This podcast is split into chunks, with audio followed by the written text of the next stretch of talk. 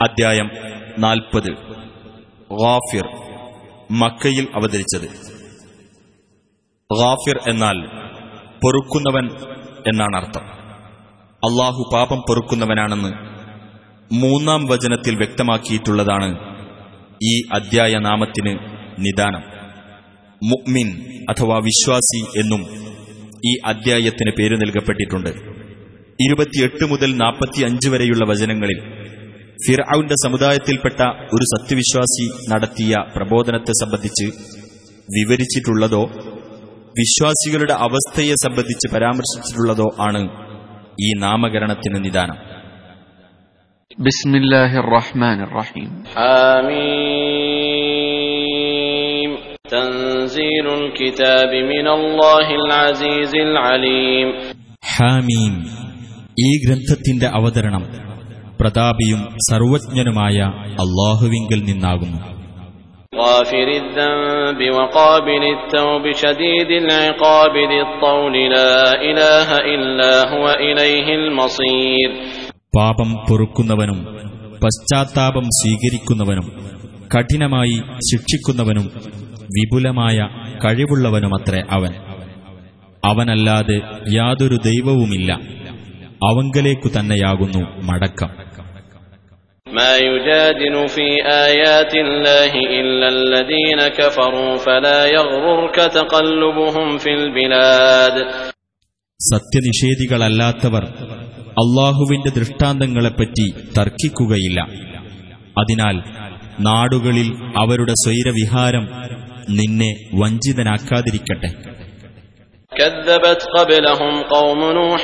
والأحزاب من بعدهم وهمت كل أمة برسولهم ليأخذوه وجادلوا بالباطل ليدحضوا به الحق فأخذتهم فكيف كان عقاب അവർക്കു മുമ്പ് നോഹിന്റെ ജനതയും അവരുടെ ശേഷമുള്ള കക്ഷികളും സത്യത്തെ നിഷേധിച്ചു തള്ളിക്കളയുകയുണ്ടായി ഓരോ സമുദായവും തങ്ങളുടെ റസൂലിനെ പിടികൂടാൻ ഉദ്യമിക്കുകയും അസത്യത്തെക്കൊണ്ട് സത്യത്തെ തകർക്കുവാൻ വേണ്ടി അവർ തർക്കം നടത്തുകയും ചെയ്തു തന്നിമിത്തം ഞാൻ അവരെ പിടികൂടി അപ്പോൾ എന്റെ ശിക്ഷ എങ്ങനെയുണ്ടായിരുന്നു وكذلك حقت كلمة ربك على الذين كفروا أنهم أصحاب النار സത്യനിഷേധികളുടെ മേൽ അവർ നരകാവകാശികളാണ് എന്നുള്ള നിന്റെ രക്ഷിതാവിന്റെ വചനം അപ്രകാരം സ്ഥിരപ്പെട്ടു കഴിഞ്ഞു. الذين يحملون العرش ومن حوله يسبحون بحمد ربهم ويؤمنون به ويؤمنون به ويستغفرون للذين آمنوا ربنا وسعت كل شيء رحمة وعلما فاغفر للذين تابوا واتبعوا سبيلك وقهم عذاب الجحيم സിംഹാസനം വഹിക്കുന്നവരും അതിന്റെ ചുറ്റിലുള്ളവരുമായ മലക്കുകൾ തങ്ങളുടെ രക്ഷിതാവിനെ സ്തുതിക്കുന്നതോടൊപ്പം കീർത്തനം നടത്തുകയും അവനിൽ വിശ്വസിക്കുകയും വിശ്വസിച്ചവർക്കു വേണ്ടി ഇപ്രകാരം പാപമോചനം തേടുകയും ചെയ്യുന്നു. ഞങ്ങളുടെ രക്ഷിതാവെ നിന്റെ കാരുണ്യവും അറിവും സകല വസ്തുക്കളെയും ഉൾക്കൊള്ളുന്നതായിരിക്കുന്നു. ആകയാൽ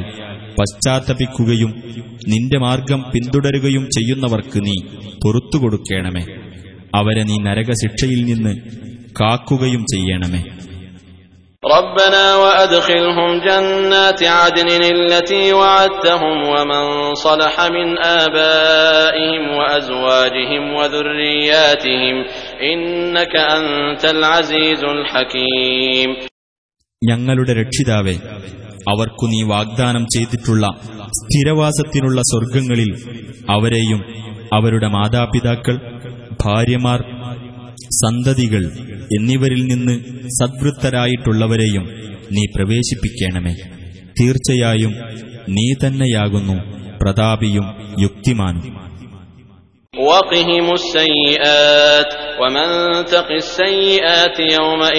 ഫഖദ് റഹിംത വദാലിക ഹുവൽ ഫൗസുൽ അവരെ നീ തിന്മകളിൽ നിന്ന് കാക്കുകയും ചെയ്യണമേ അന്നേ ദിവസം നീ ഏതൊരാളെ തിന്മകളിൽ നിന്ന് കാക്കുന്നുവോ അവനോട് തീർച്ചയായും നീ കരുണ കാണിച്ചിരിക്കുന്നു അതുതന്നെയാകുന്നു മഹാഭാഗ്യം إن الذين كفروا ينادون لمقت الله أكبر من مقتكم أنفسكم إذ تدعون إلى الإيمان فتكفرون തീർച്ചയായും സത്യനിഷേധികളോട് ഇപ്രകാരം വിളിച്ചു പറയപ്പെടും. നിങ്ങൾ വിശ്വാസത്തിലേക്ക് ക്ഷണിക്കപ്പെടുകയും എന്നിട്ടു നിങ്ങൾ അവിശ്വസിക്കുകയും ചെയ്തിരുന്ന സന്ദർഭത്തിൽ അള്ളാഹുവിന് നിങ്ങളോടുള്ള അമർഷം നിങ്ങൾ തമ്മിലുള്ള അമർഷത്തെക്കാൾ വലുതാകുന്നു. قالوا ربنا أمتنا اثنتين وأحييتنا اثنتين فاعترفنا بذنوبنا فاعترفنا بذنوبنا فهل إلى خروج من سبيل അവർ പറയും ഞങ്ങളുടെ നാഥ രണ്ടു പ്രാവശ്യം നീ ഞങ്ങളെ നിർജീവാവസ്ഥയിലാക്കുകയും രണ്ടു പ്രാവശ്യം നീ ഞങ്ങൾക്കു ജീവൻ നൽകുകയും ചെയ്തു എന്നാൽ ഞങ്ങളിതാ ഞങ്ങളുടെ കുറ്റങ്ങൾ സമ്മതിച്ചിരിക്കുന്നു ആകയാൽ ഒന്നു പുറത്തു പോകേണ്ടതിലേക്ക് വല്ല മാർഗവുമുണ്ടോ ذلكم بأنه إذا دعي الله وحده كفرتم وإن يشرك به تؤمنوا فالحكم لله العلي الكبير അള്ളാഹുവോട് മാത്രം പ്രാർത്ഥിക്കപ്പെട്ടാൽ നിങ്ങൾ അവിശ്വസിക്കുകയും അവനോട് പങ്കാളികൾ കൂട്ടിച്ചേർക്കപ്പെട്ടാൽ നിങ്ങൾ വിശ്വസിക്കുകയും ചെയ്തിരുന്നത് നിമിത്തമത്രേ അത് എന്നാൽ ഇന്ന് വിധി കൽപ്പിക്കാനുള്ള അധികാരം ഉന്നതനും മഹാനുമായ അള്ളാഹുവിനാകുന്നു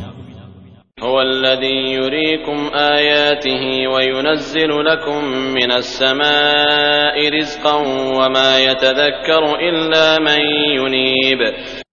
അവനാണ് നിങ്ങൾക്ക് തന്റെ ദൃഷ്ടാന്തങ്ങൾ കാണിച്ചു തരുന്നത്. ആകാശത്തുനിന്ന് അവൻ നിങ്ങൾക്ക് ഉപജീവനം ഇറക്കിത്തരികയും ചെയ്യുന്നു. അവങ്കലേക്ക് മടങ്ങുന്നവർ മാത്രമേ ആലോചിച്ച് ഗ്രഹിക്കുകയുള്ളൂ.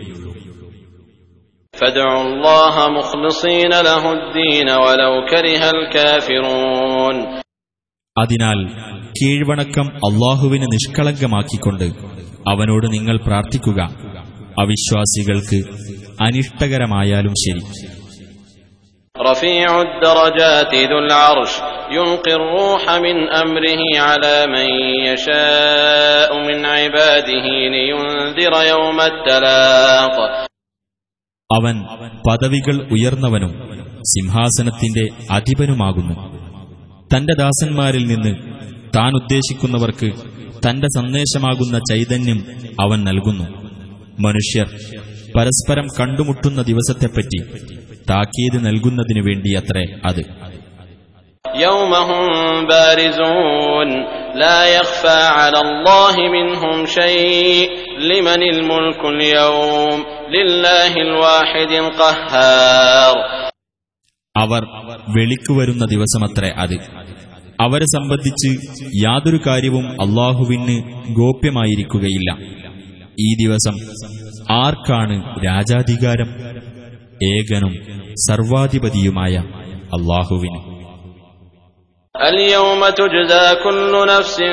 بما كسبت لا ظلم اليوم إن الله سريع الحساب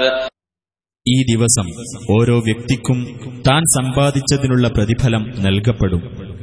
ഈ ദിവസം അനീതിയില്ല തീർച്ചയായും അള്ളാഹു അതിവേഗം കണക്കു നോക്കുന്നവനാകുന്നു وأنذرهم يوم الآزفة إذ القلوب لدى الحناجر كاظمين ما للظالمين من حميم ولا شفيع يطاع ആസന്നമായ ആ സംഭവത്തിന്റെ ദിവസത്തെപ്പറ്റി നീ അവർക്ക് മുന്നറിയിപ്പ് നൽകുക അതായത് ഹൃദയങ്ങൾ തൊണ്ടക്കുഴികളുടെ അടുത്തെത്തുന്ന അവർ ശ്വാസമടക്കിപ്പിടിച്ചവരായിരിക്കുന്ന സന്ദർഭം. അക്രമകാരികൾക്ക് ഉറ്റബന്ധുവായോ സ്വീകാര്യനായ ശുപാർശകനായോ ആരും തന്നെയില്ല.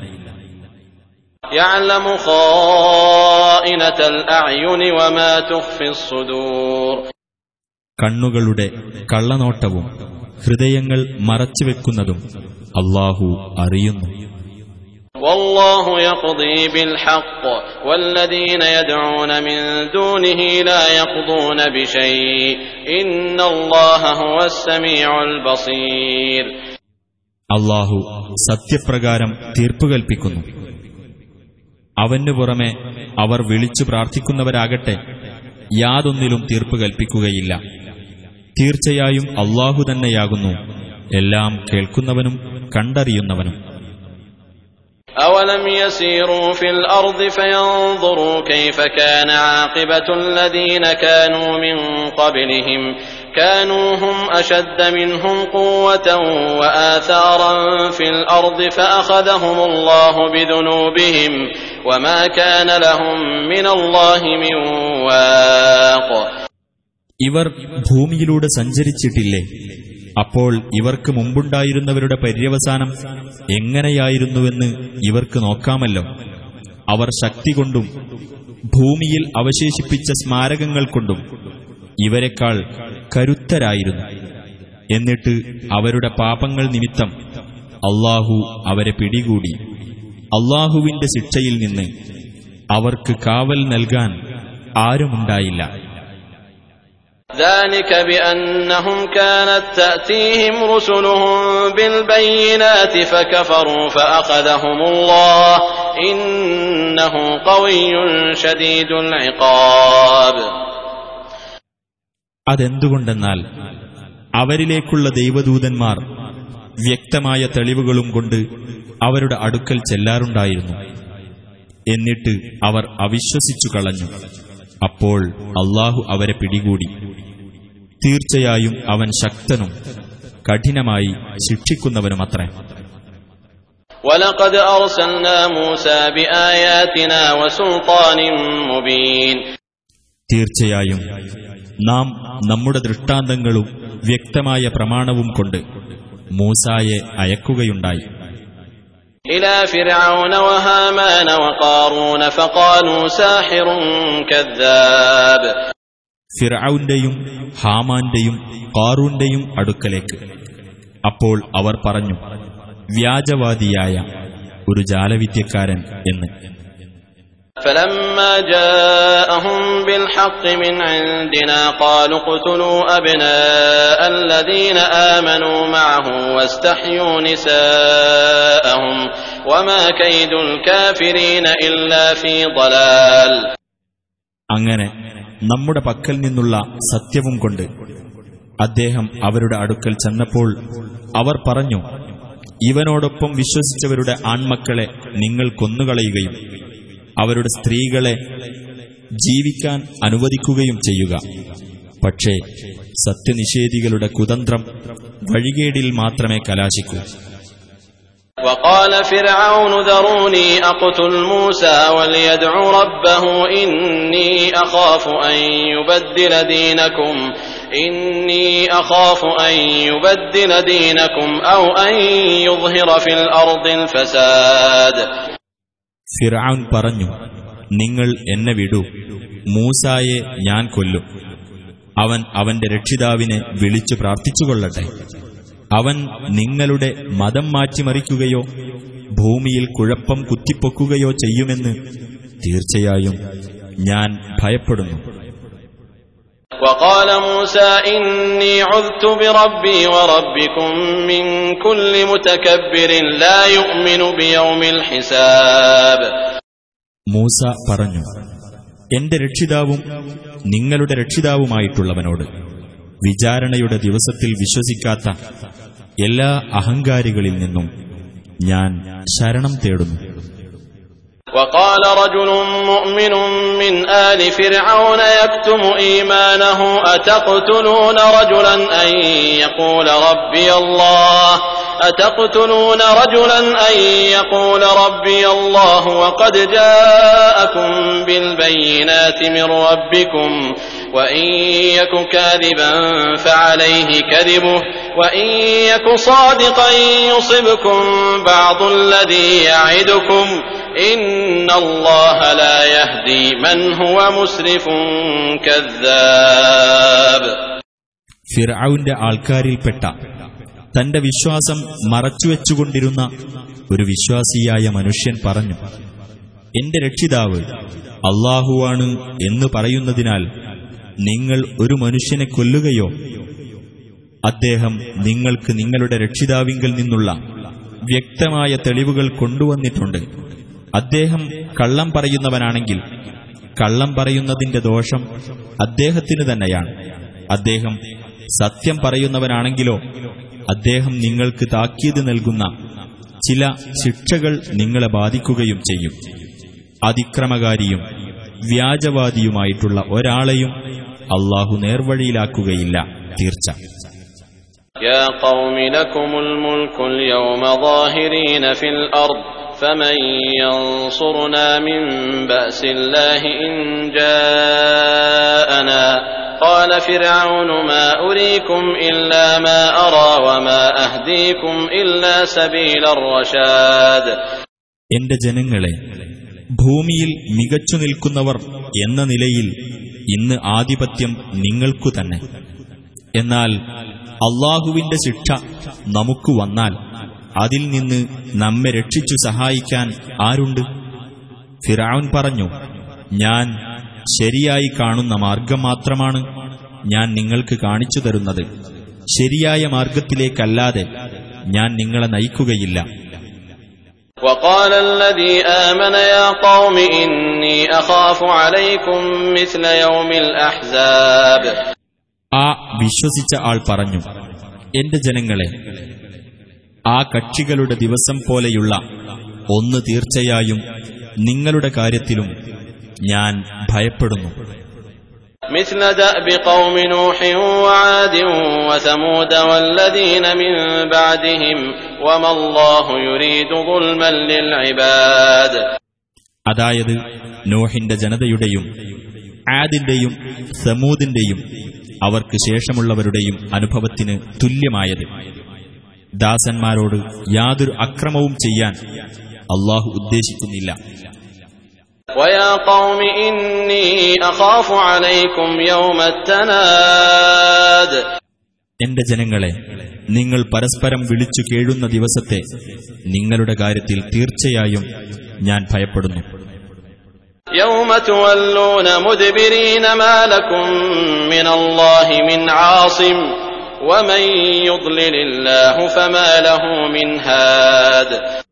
അതായത് നിങ്ങൾ പിന്നോക്കം തിരിഞ്ഞോടുന്ന ദിവസം അള്ളാഹുവിന്റെ ശിക്ഷയിൽ നിന്നും രക്ഷ നൽകുന്ന ഒരാളും നിങ്ങൾക്കില്ല ഏതൊരാളെ അള്ളാഹു വഴിതെറ്റിക്കുന്നുവോ അവന് നേർവഴി കാണിക്കാൻ ആരുമില്ല ولقد جاءكم يوسف من قبل بالبينات فما زلتم في شك مما جاءكم به حتى إذا هلك قلتم لن يبعث الله من بعده رسولا كذلك يضل الله من هو مسرف مرتاب വ്യക്തമായ തെളിവുകളും കൊണ്ട് മുമ്പ് യൂസുഫ് നിങ്ങളുടെ അടുത്ത് വരികയുണ്ടായിട്ടുണ്ട് അപ്പോൾ അദ്ദേഹം നിങ്ങൾക്ക് കൊണ്ടുവന്നതിനെപ്പറ്റി നിങ്ങൾ സംശയത്തിലായിക്കൊണ്ടേയിരുന്നു എന്നിട്ട് അദ്ദേഹം മരണപ്പെട്ടപ്പോൾ ഇദ്ദേഹത്തിനു ശേഷം അള്ളാഹു ഇനി ഒരു ദൂതനെയും നിയോഗിക്കുകയേ ഇല്ല എന്ന് നിങ്ങൾ പറഞ്ഞു അപ്രകാരം അതിക്രമകാരിയും സംശയാലുവുമായിട്ടുള്ളതാരോ അവരെ അള്ളാഹു വഴിതെറ്റിക്കുന്നു الذين يجادلون في آيات الله بغير سلطان أتاهم كبر مقتا عند الله وعند الذين آمنوا كذلك يطبع الله على كل قلب متكبر جبار അതായത് തങ്ങൾക്ക് യാതൊരു ആധികാരിക പ്രമാണവും വന്നുകിട്ടാതെ അള്ളാഹുവിന്റെ ദൃഷ്ടാന്തങ്ങളിൽ തർക്കം നടത്തുന്നവരെ അത് അള്ളാഹുവിന്റെ അടുക്കലും സത്യവിശ്വാസികളുടെ അടുക്കലും വലിയ കോപഹേതുവായിരിക്കുന്നു അപ്രകാരം അഹങ്കാരികളും ഗർവിഷ്ഠരും ആയിട്ടുള്ളവരുടെ ഹൃദയങ്ങളിലെല്ലാം അള്ളാഹു മുദ്രവെക്കുന്നു وقال فرعون يا هامان ابن لي صرحا لعلي أبلغ الأسباب ഫിറൌൻ പറഞ്ഞു ഹാമാനെ എനിക്ക് ആ മാർഗങ്ങളിലെത്താവുന്ന വിധം എനിക്കുവേണ്ടി നീ ഒരു ഉന്നത സൗദം പണിതു തരൂ أسباب السماوات فأطلع إلى إله موسى وإني لأظنه كاذبا وكذلك زين لفرعون سوء عمله وصد عن السبيل وما كيد فرعون إلا في تباب അഥവാ ആകാശമാർഗങ്ങളിൽ എന്നിട്ട് മൂസായുടെ ദൈവത്തിന്റെ അടുത്തേക്ക് എത്തിനോക്കുവാൻ തീർച്ചയായും അവൻ കളവ് പറയുകയാണെന്നാണ് ഞാൻ വിചാരിക്കുന്നത് അപ്രകാരം ഫിറൌന് തന്റെ ദുഷ്പ്രവൃത്തി അലങ്കൃതമായി തോന്നിക്കപ്പെട്ടു നേരായ മാർഗത്തിൽ നിന്ന് അവൻ തടയപ്പെടുകയും ചെയ്തു ഫറോവയുടെ തന്ത്രം നഷ്ടത്തിൽ തന്നെയായിരുന്നു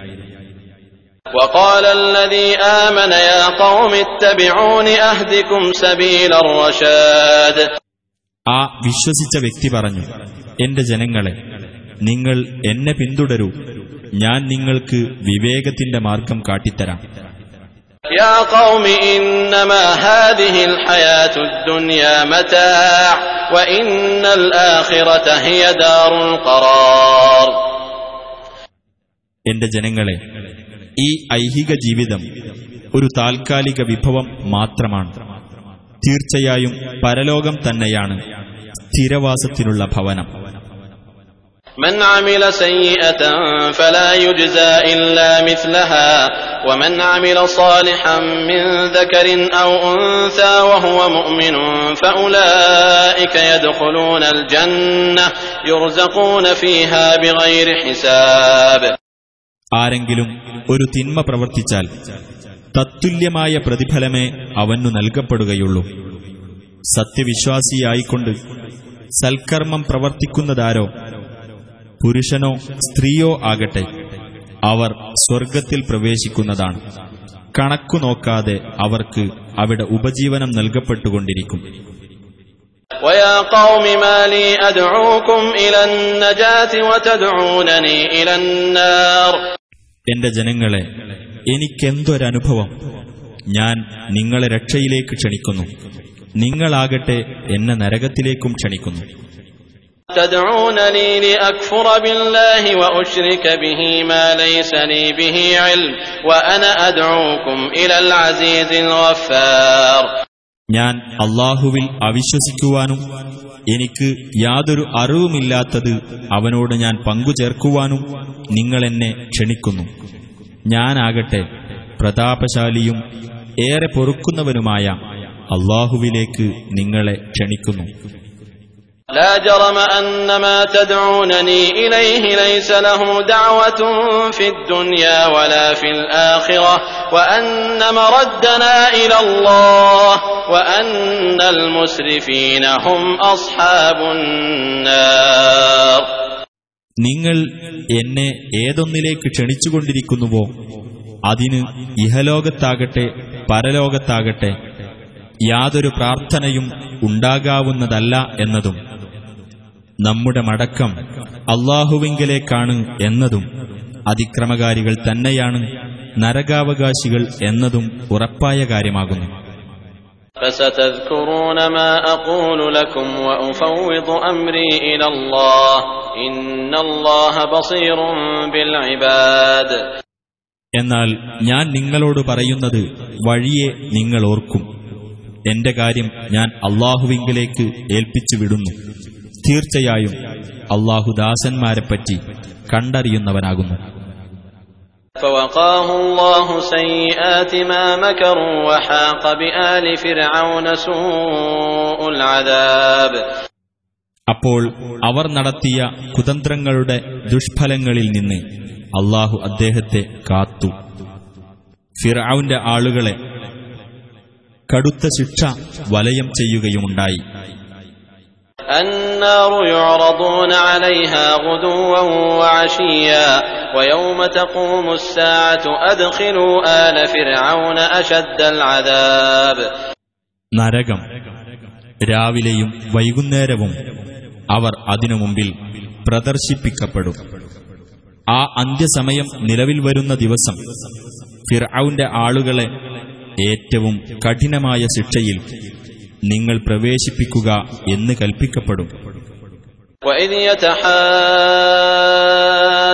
يتحاجون في النار فيقول الضعفاء للذين استكبروا إنا كنا لكم تبعا فيقول الضعفاء للذين استكبروا إنا كنا لكم تبعا فهل أنتم مغنون عنا نصيبا من النار നരകത്തിൽ അവർ അന്യോന്യം ന്യായവാദം നടത്തുന്ന സന്ദർഭം ശ്രദ്ധേയമാകുന്നു അപ്പോൾ ദുർബലർ അഹംഭാവം നടിച്ചവരോട് പറയും തീർച്ചയായും ഞങ്ങൾ നിങ്ങളെ പിന്തുടർന്ന് ജീവിക്കുകയായിരുന്നു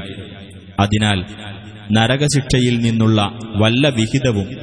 ഞങ്ങളിൽ നിന്ന് ഒഴിവാക്കിത്തരാൻ നിങ്ങൾക്ക് കഴിയുമോ قال الذين استكبروا إنا كل فيها إن الله قد حكم بين العباد അഹംഭാവം നടിച്ചവർ പറയും തീർച്ചയായും നമ്മളെല്ലാം ഇതിൽ തന്നെയാകുന്നു തീർച്ചയായും അള്ളാഹു ദാസന്മാർക്കിടയിൽ വിധി കൽപ്പിച്ചു കഴിഞ്ഞു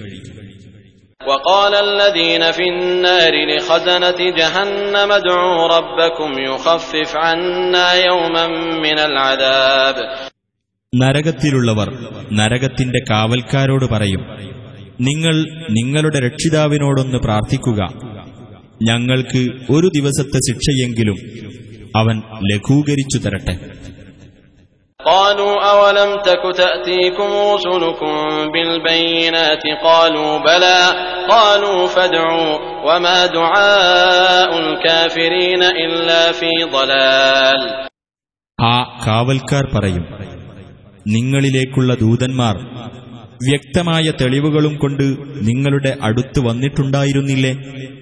അവർ പറയും അതെ കാവൽക്കാർ പറയും എന്നാൽ നിങ്ങൾ തന്നെ പ്രാർത്ഥിച്ചുകൊള്ളുക. സത്യനിഷേധികളുടെ പ്രാർത്ഥന വൃഥാവിലായി പോവുകയേയുള്ളൂ.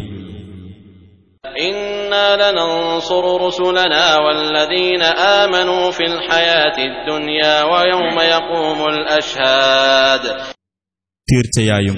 നാം നമ്മുടെ ദൂതന്മാരെയും വിശ്വസിച്ചവരെയും ഐഹിക ജീവിതത്തിലും സാക്ഷികൾ രംഗത്തു വരുന്ന ദിവസത്തിലും സഹായിക്കുക തന്നെ ചെയ്യും يوم لا ينفع الظالمين معذرتهم ولهم اللعنة ولهم اللعنة ولهم سوء الدار അതായത് അക്രമികൾക്ക് അവരുടെ ഒഴികഴിവ് പ്രയോജനപ്പെടാത്ത ദിവസം അവർക്കാകുന്നു ശാപം അവർക്കാകുന്നു ചീത്ത ഭവനം ولقد آتينا موسى الهدى وأورثنا بني إسرائيل الكتاب മൂസാക്ക് നാം മാർഗദർശനം നൽകുകയും ഇസ്രായേല്യരെ നാം വേദഗ്രന്ഥത്തിന്റെ അവകാശികളാക്കി തീർക്കുകയും ചെയ്തു هدى وذكرى لأولي الألباب ബുദ്ധിയുള്ളവർക്ക് മാർഗദർശനവും ഉത്ബോധനവുമായിരുന്നു അത് فاصبر إن وعد الله حق واستغفر لذنبك وسبح بحمد ربك بالعشي والإبكار അതിനാൽ നീ ക്ഷമിക്കുക തീർച്ചയായും അള്ളാഹുവിന്റെ വാഗ്ദാനം സത്യമാകുന്നു നിന്റെ പാപത്തിനു നീ മാപ്പു തേടുകയും വൈകുന്നേരവും രാവിലെയും നിന്റെ രക്ഷിതാവിനെ സ്തുതിക്കുന്നതോടൊപ്പം പ്രകീർത്തിക്കുകയും ചെയ്യുക إن الذين يجادلون في آيات الله بغير سلطان أتاهم إن في صدورهم إلا كبر ما هم ببالغيه فاستعذ بالله إنه هو السميع البصير തങ്ങൾക്ക് യാതൊരു പ്രമാണവും വന്നുകിട്ടാതെ അള്ളാഹുവിന്റെ ദൃഷ്ടാന്തങ്ങളെപ്പറ്റി തർക്കിക്കുന്നതാരോ അവരുടെ ഹൃദയങ്ങളിൽ തീർച്ചയായും അഹങ്കാരം മാത്രമേയുള്ളൂ അവർ അവിടെ എത്തുന്നതേയല്ല അതുകൊണ്ട് നീ അള്ളാഹുവിനോട് ശരണം തേടുക തീർച്ചയായും അവനാണ് എല്ലാം കേൾക്കുന്നവനും കാണുന്നവനും لخلق السماوات والأرض أكبر من خلق الناس ولكن أكثر الناس لا يعلمون തീർച്ചയായും ആകാശങ്ങളും ഭൂമിയും സൃഷ്ടിക്കുക എന്നതാണ് മനുഷ്യരെ സൃഷ്ടിക്കുന്നതിനേക്കാൾ വലിയ കാര്യം പക്ഷേ അവരിൽ അധിക പേരും മനസ്സിലാക്കുന്നില്ല وما يستوي الأعمى والبصير والذين آمنوا وعملوا الصالحات ولا المسيء قليلا ما تتذكرون അന്ധനും കാഴ്ചയുള്ളവനും സമമാകുകയില്ല വിശ്വസിച്ച് സൽക്കർമ്മങ്ങൾ ചെയ്തവരും ദുഷ്കൃത്യം ചെയ്തവരും സമമാകുകയില്ല ചുരുക്കത്തിൽ മാത്രമേ നിങ്ങൾ ആലോചിച്ച് മനസ്സിലാക്കുന്നുള്ളൂ.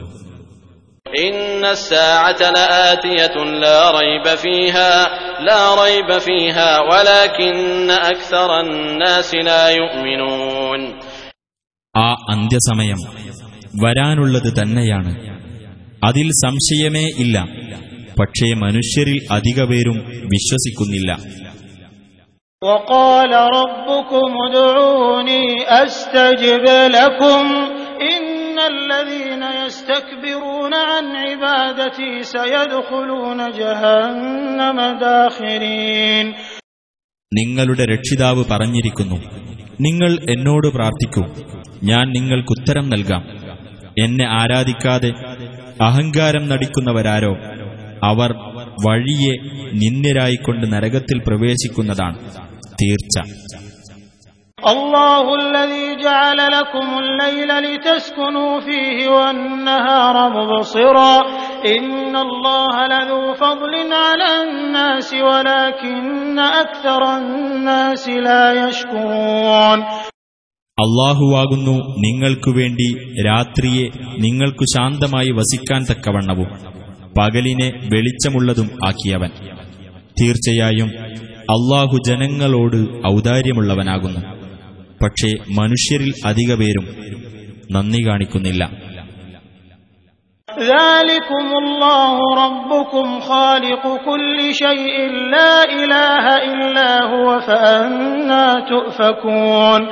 അവനാകുന്നു നിങ്ങളുടെ രക്ഷിതാവും എല്ലാ വസ്തുക്കളുടെയും സൃഷ്ടികർത്താവുമായ അള്ളാഹു. അവനല്ലാതെ യാതൊരു ദൈവവുമില്ല. എന്നിരിക്കെ നിങ്ങളെങ്ങനെയാണ് സന്മാർഗത്തിൽ നിന്ന് തെറ്റിക്കപ്പെടുന്നത്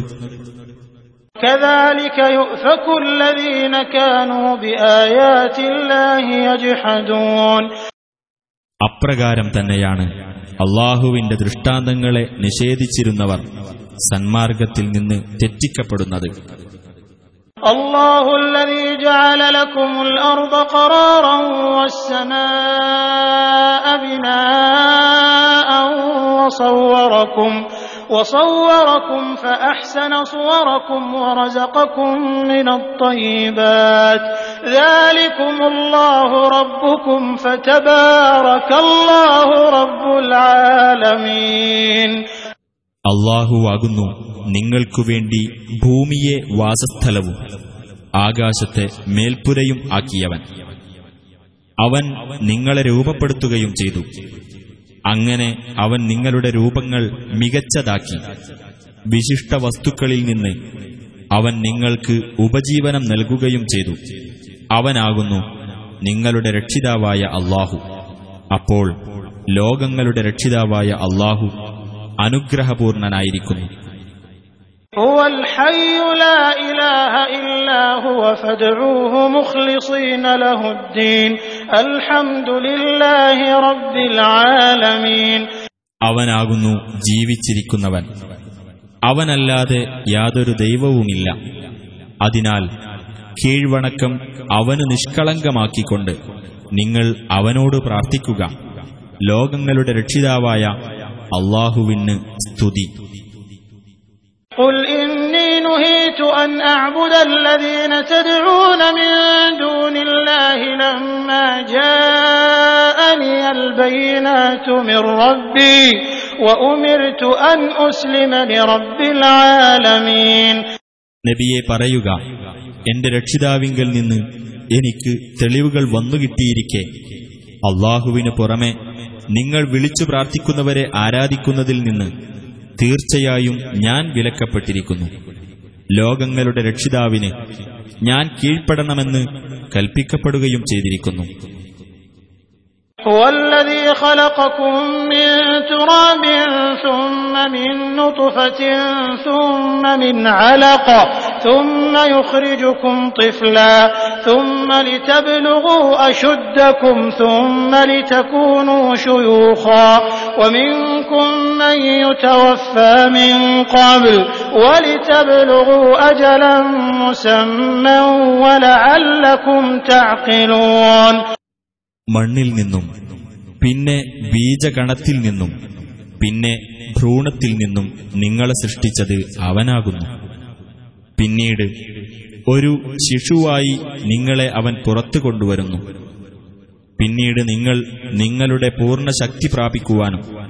പിന്നീട് നിങ്ങൾ വൃദ്ധരായി തീരുവാനും വേണ്ടി. നിങ്ങളിൽ ചിലർ മുമ്പേ തന്നെ മരണമടയുന്നു. നിർണിതമായ ഒരു അവധിയിൽ നിങ്ങൾ എത്തിച്ചേരുവാനും നിങ്ങൾ ഒരു വേള ചിന്തിക്കുന്നതിനും വേണ്ടി. هو الذي يحيي ويميت فإذا قضى أمرا فإنما يقول له كن فيكون അവനാണ് ജീവിപ്പിക്കുകയും മരിപ്പിക്കുകയും ചെയ്യുന്നവൻ ഒരു കാര്യം അവൻ തീരുമാനിച്ചു കഴിഞ്ഞാൽ ഉണ്ടാകൂ എന്ന് അതിനോട് അവൻ പറയുക മാത്രം ചെയ്യുന്നു അപ്പോൾ അത് ഉണ്ടാകുന്നു ألم تر إلى الذين يجادلون في آيات الله أنا يصرفون അള്ളാഹുവിന്റെ ദൃഷ്ടാന്തങ്ങളെപ്പറ്റി തർക്കിക്കുന്നവരുടെ നേർക്ക് നീ നോക്കിയില്ലേ എങ്ങനെയാണ് അവർ വ്യതിചലിപ്പിക്കപ്പെടുന്നതെന്ന് الذين كذبوا بالكتاب وبما أرسلنا به رسلنا فسوف يعلمون വേദഗ്രന്ഥത്തെയും നാം നമ്മുടെ ദൂതന്മാരെ അയച്ചത് എന്തൊരു ദൗത്യം കൊണ്ടാണോ അതിനെയും നിഷേധിച്ചു കളഞ്ഞവരത്രേ അവർ. എന്നാൽ വഴിയെ അവർ അറിഞ്ഞുകൊള്ളും.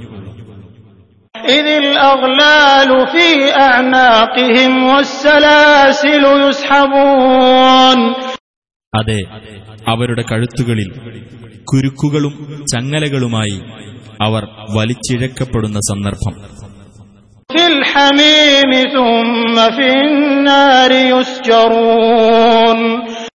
ചുട്ടുതിളക്കുന്ന വെള്ളത്തിലൂടെ പിന്നീട് അവർ നരകാഗ്നിയിൽ എരിക്കപ്പെടുകയും ചെയ്യും ثم قيل لهم أين ما كنتم تشركون من دون الله قالوا ضلوا عنا بل لم نكن ندعو من قبل شيئا كذلك يضل الله الكافرين പിന്നീട് അവരോട് പറയപ്പെടും അള്ളാഹുവിന് പുറമെ നിങ്ങൾ പങ്കാളികളായി ചേർത്തിരുന്നവർ എവിടെയാകുന്നു അവർ പറയും അവർ ഞങ്ങളെ വിട്ട് അപ്രത്യക്ഷരായിരിക്കുന്നു അല്ല ഞങ്ങൾ മുമ്പ് പ്രാർത്ഥിച്ചിരുന്നത് യാതൊന്നിനോടുമായിരുന്നില്ല. അപ്രകാരം അള്ളാഹു സത്യനിഷേധികളെ പിഴവിലാക്കുന്നു.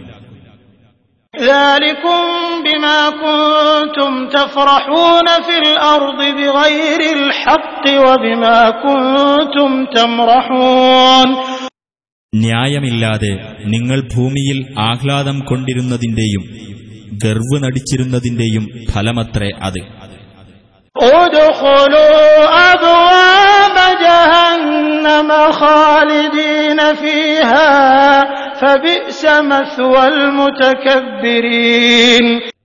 നരകത്തിന്റെ കവാടങ്ങളിലൂടെ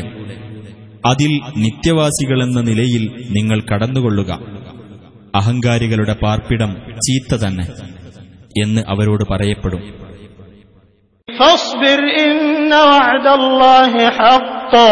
فإما نرينك بعض الذي نعدهم أو نتوفينك فإلينا يرجعون അതിനാൽ നീ ക്ഷമിക്കുക തീർച്ചയായും അള്ളാഹുവിന്റെ വാഗ്ദാനം സത്യമാകുന്നു എന്നാൽ നാം അവർക്ക് താക്കീത് നൽകുന്ന ശിക്ഷയിൽ ചിലത് നിനക്ക് നാം കാണിച്ചു തരുന്നതായാലും അതിനിടക്കു തന്നെ നിന്നെ നാം മരിപ്പിക്കുന്നതായാലും നമ്മുടെ അടുത്തേക്ക് തന്നെയാണ് അവർ മടക്കപ്പെടുന്നത് ولقد أرسلنا رسلا من قبلك منهم من قصصنا عليك ومنهم من لم نقصص عليك وما كان لرسول أن يأتي بآية إلا بإذن الله فإذا جاء أمر الله قضي بالحق وخسر هنالك المبطلون നിനക്കു മുമ്പ് നാം പല ദൂതന്മാരെയും അയച്ചിട്ടുണ്ട് അവരിൽ ചിലരെപ്പറ്റി നാം നിനക്ക് വിവരിച്ചു തന്നിട്ടുണ്ട് അവരിൽ ചിലരെപ്പറ്റി നിനക്കു നാം വിവരിച്ചു തന്നിട്ടില്ല യാതൊരു ദൂതനും അള്ളാഹുവിന്റെ അനുമതിയോടുകൂടിയല്ലാതെ ഒരു ദൃഷ്ടാന്തം കൊണ്ടുവരാനാവില്ല എന്നാൽ അള്ളാഹുവിന്റെ കൽപ്പന വന്നാൽ ന്യായപ്രകാരം വിധിക്കപ്പെടുന്നതാണ് അസത്യവാദികൾ അവിടെ നഷ്ടത്തിലാവുകയും ചെയ്യും الله الذي جعل لكم الأنعام لتركبوا منها ومنها تأكلون അള്ളാഹുവാകുന്നു നിങ്ങൾക്കു വേണ്ടി കന്നുകാലികളെ സൃഷ്ടിച്ചു തന്നവൻ അവയിൽ ചിലതിനെ നിങ്ങൾ വാഹനമായി ഉപയോഗിക്കുന്നതിനു വേണ്ടി അവയിൽ ചിലതിനെ നിങ്ങൾ ഭക്ഷിക്കുകയും ചെയ്യുന്നു ولكم فيها منافع ولتبلغوا عليها حاجة في صدوركم وعليها وعلى الفلك تحملون നിങ്ങൾക്ക് അവയിൽ പല പ്രയോജനങ്ങളുമുണ്ട് അവ മുഖേന നിങ്ങളുടെ ഹൃദയങ്ങളിലുള്ള വല്ല ആവശ്യത്തിനും നിങ്ങൾ എത്തിച്ചേരുകയും ചെയ്യുന്നു അവയുടെ പുറത്തും കപ്പലുകളിലുമായി നിങ്ങൾ വഹിക്കപ്പെടുകയും ചെയ്യുന്നു.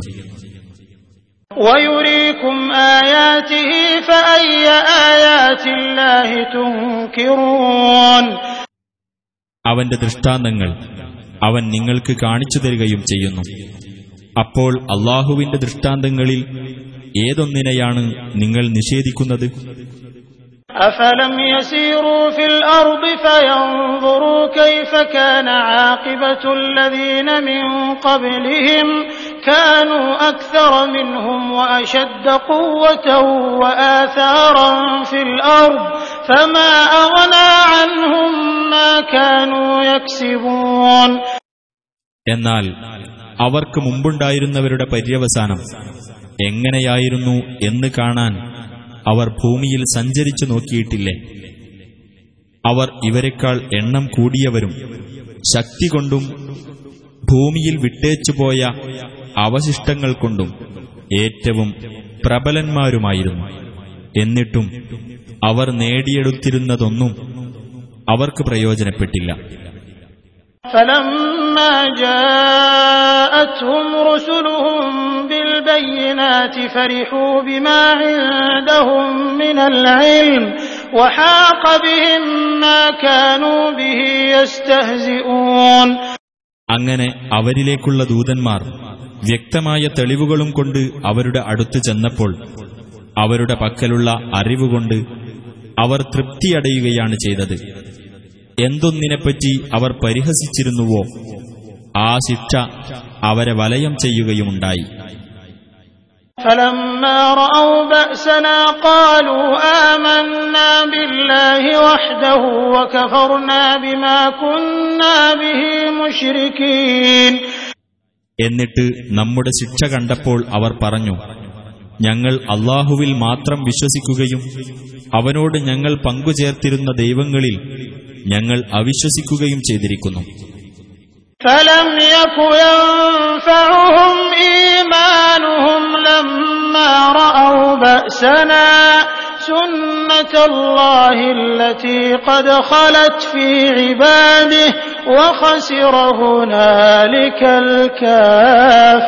الكافرون എന്നാൽ അവർ നമ്മുടെ ശിക്ഷ കണ്ടപ്പോഴത്തെ അവരുടെ വിശ്വാസം അവർക്ക് പ്രയോജനപ്പെടുകയുണ്ടായില്ല അള്ളാഹു തന്റെ ദാസന്മാരുടെ കാര്യത്തിൽ മുമ്പേ നടപ്പിലാക്കി കഴിഞ്ഞിട്ടുള്ള നടപടിക്രമമത്രേ അത്. അവിടെ സത്യനിഷേധികൾ നഷ്ടത്തിലാകുകയും ചെയ്തു.